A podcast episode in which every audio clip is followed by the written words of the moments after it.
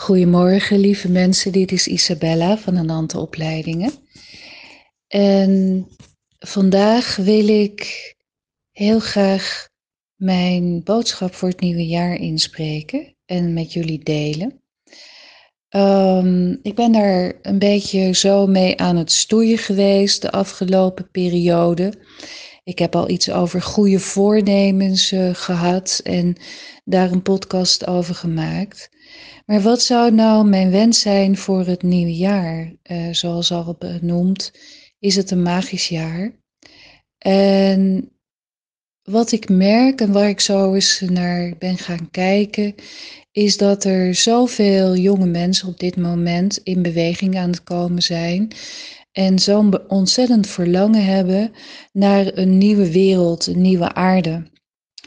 En um, zich bezighouden met de problemen en ook duidelijk zien hoe groot het probleem is wat we hier op aarde hebben. Denk aan de oorlogen, de milieu, de grote plastic uh, bergen die we hebben, hè, de opwarming van de aarde. Daar moeten we het ook nog eens een keertje over hebben, dat dat gewoon allemaal precies de bedoeling is. Maar dat is niet voor nu. Maar ik nodig uh, jullie allemaal eens uit om te herinneren, ook voor degenen die al in wat oudere generaties zitten. We hebben allemaal die impulsen, die verlangens gekend om de wereld te veranderen. Om het beter te doen naar ons, dan onze ouders. Om andere keuzes te maken.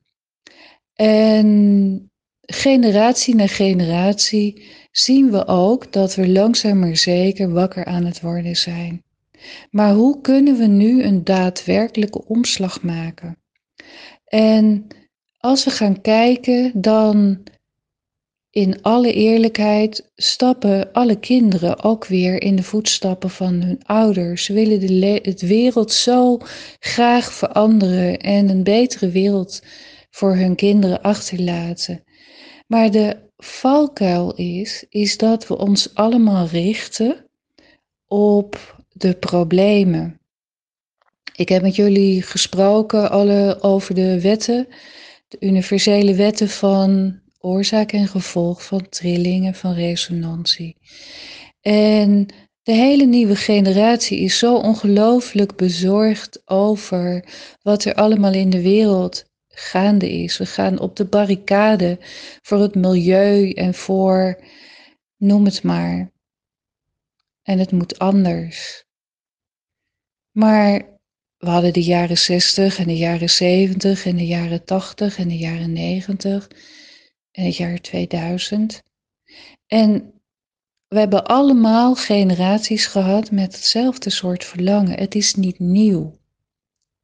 Alleen hoe kunnen we, als het ware, dit patroon doorbreken. En dat heeft te maken door je juist eens niet te richten op alle problemen. We zijn zo bezig met al het plastic en die plasticberg groeit steeds harder. We zijn zo bezig met het milieu en de milieuproblemen groeien steeds harder en worden steeds groter. De sleutel is om je aandacht anders te richten. Want wat we vergeten is dat als we een andere trilling de wereld inzenden, dan verandert de wereld op een wonderbaarlijke wijze vanzelf. Dat is het grote mysterie van het leven, dat als wij onze trilling veranderen, dat de wereld met ons mee verandert. Per direct. Dus wat is mijn wens voor jullie allemaal en ook mijn boodschap voor het nieuwe jaar? Is ga het leven vieren. Ga kijken wat werkelijk van waarde is. Het gaat over de wezenlijke ontmoeting van mens tot mens. Er sterven op dit moment zoveel mensen, er zijn zoveel mensen ziek en er is zoveel verdriet in de wereld omdat we dierbaren moeten loslaten. Dat hoort bij deze tijd. Het grote loslaten is begonnen. Koester datgene wat je hebt. Kijk naar wat werkelijk van waarde is. En dat gaat over het eerlijk ontmoeten van elkaar. Dat nodigt uit tot uitspreken van wat er in de diepste en verlangen aanwezig is. Dat vraagt de moed om niet langer voor elkaar te zorgen en daardoor jezelf aan te passen, maar te voelen wat is mijn dieper liggende verlangen en dat ook echt uit te spreken, want daar begint de heling en daar begint de viering van het leven, want dat is wat we een beetje zijn kwijtgeraakt. En als we naar de kerstdagen kijken, ik heb veel mensen gesproken en de mensen vroegen mij ook, wat doe je met de kerst? En ik zeg altijd, ik ga naar binnen. Ik heb behoefte aan rust, aan contemplatie, aan stilte om dat heilige moment niet te missen waarin het licht terugkeert. En ik ben altijd bezig om te voelen van hé, hey, wat laat ik los van dit jaar? Wat heb ik geleerd? Wat neem ik mee? Waar ben ik dankbaar voor? En bovenal kies ik ervoor om alleen maar met die mensen te zijn die mij ook werkelijk voeden en die mijn ziel licht maken. Vier het leven en richt je op waar je blij van wordt. Richt je niet op de problemen die er zijn, maar kijk en richt je op de oplossing. Vier het leven is eigenlijk het enige wat ertoe doet.